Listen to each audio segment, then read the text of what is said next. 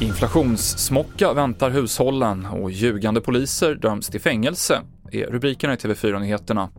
Vi börjar med att berätta att det är oklart vad som ligger bakom våldsdådet i centrala Västerås i morse, då två män i 50-årsåldern blev skadade med ett vasst föremål.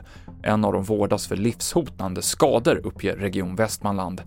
En person är gripen misstänkt för försök till mord.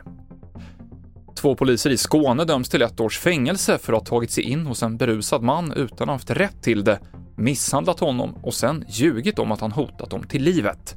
Poliserna avslöjades av en övervakningskamera i mannens bostad som visade händelseförloppet och hur poliserna kom överens om att anmäla att mannen hotat dem till livet, trots att det inte var sant.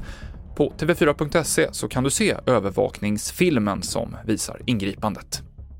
Den skyhöga inflationen för svensk ekonomi in i en lågkonjunktur, skriver Konjunkturinstitutet i sin senaste rapport. Enligt sparekonomen Frida Bratt på Nordnet så är det hushållen som framförallt kommer ta smällen. Ja, men det påverkar naturligtvis hushållen i första hand. Det är kanske det som vi har sett eh, tydligast nu. Det är också det som gör att hushållen är deppigare än företagen i det här läget. Det ser vi också i den här rapporten. att det Hushållen är ju redan väldigt ystra och det är ju för att man märker av det här.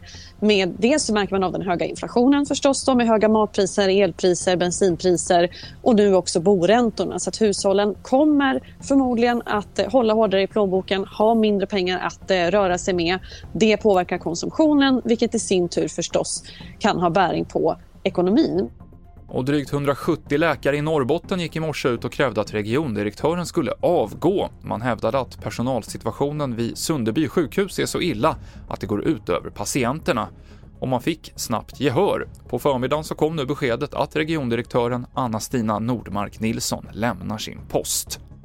Mer om det här finns på tv4.se. I studion nu Mikael Klintevall.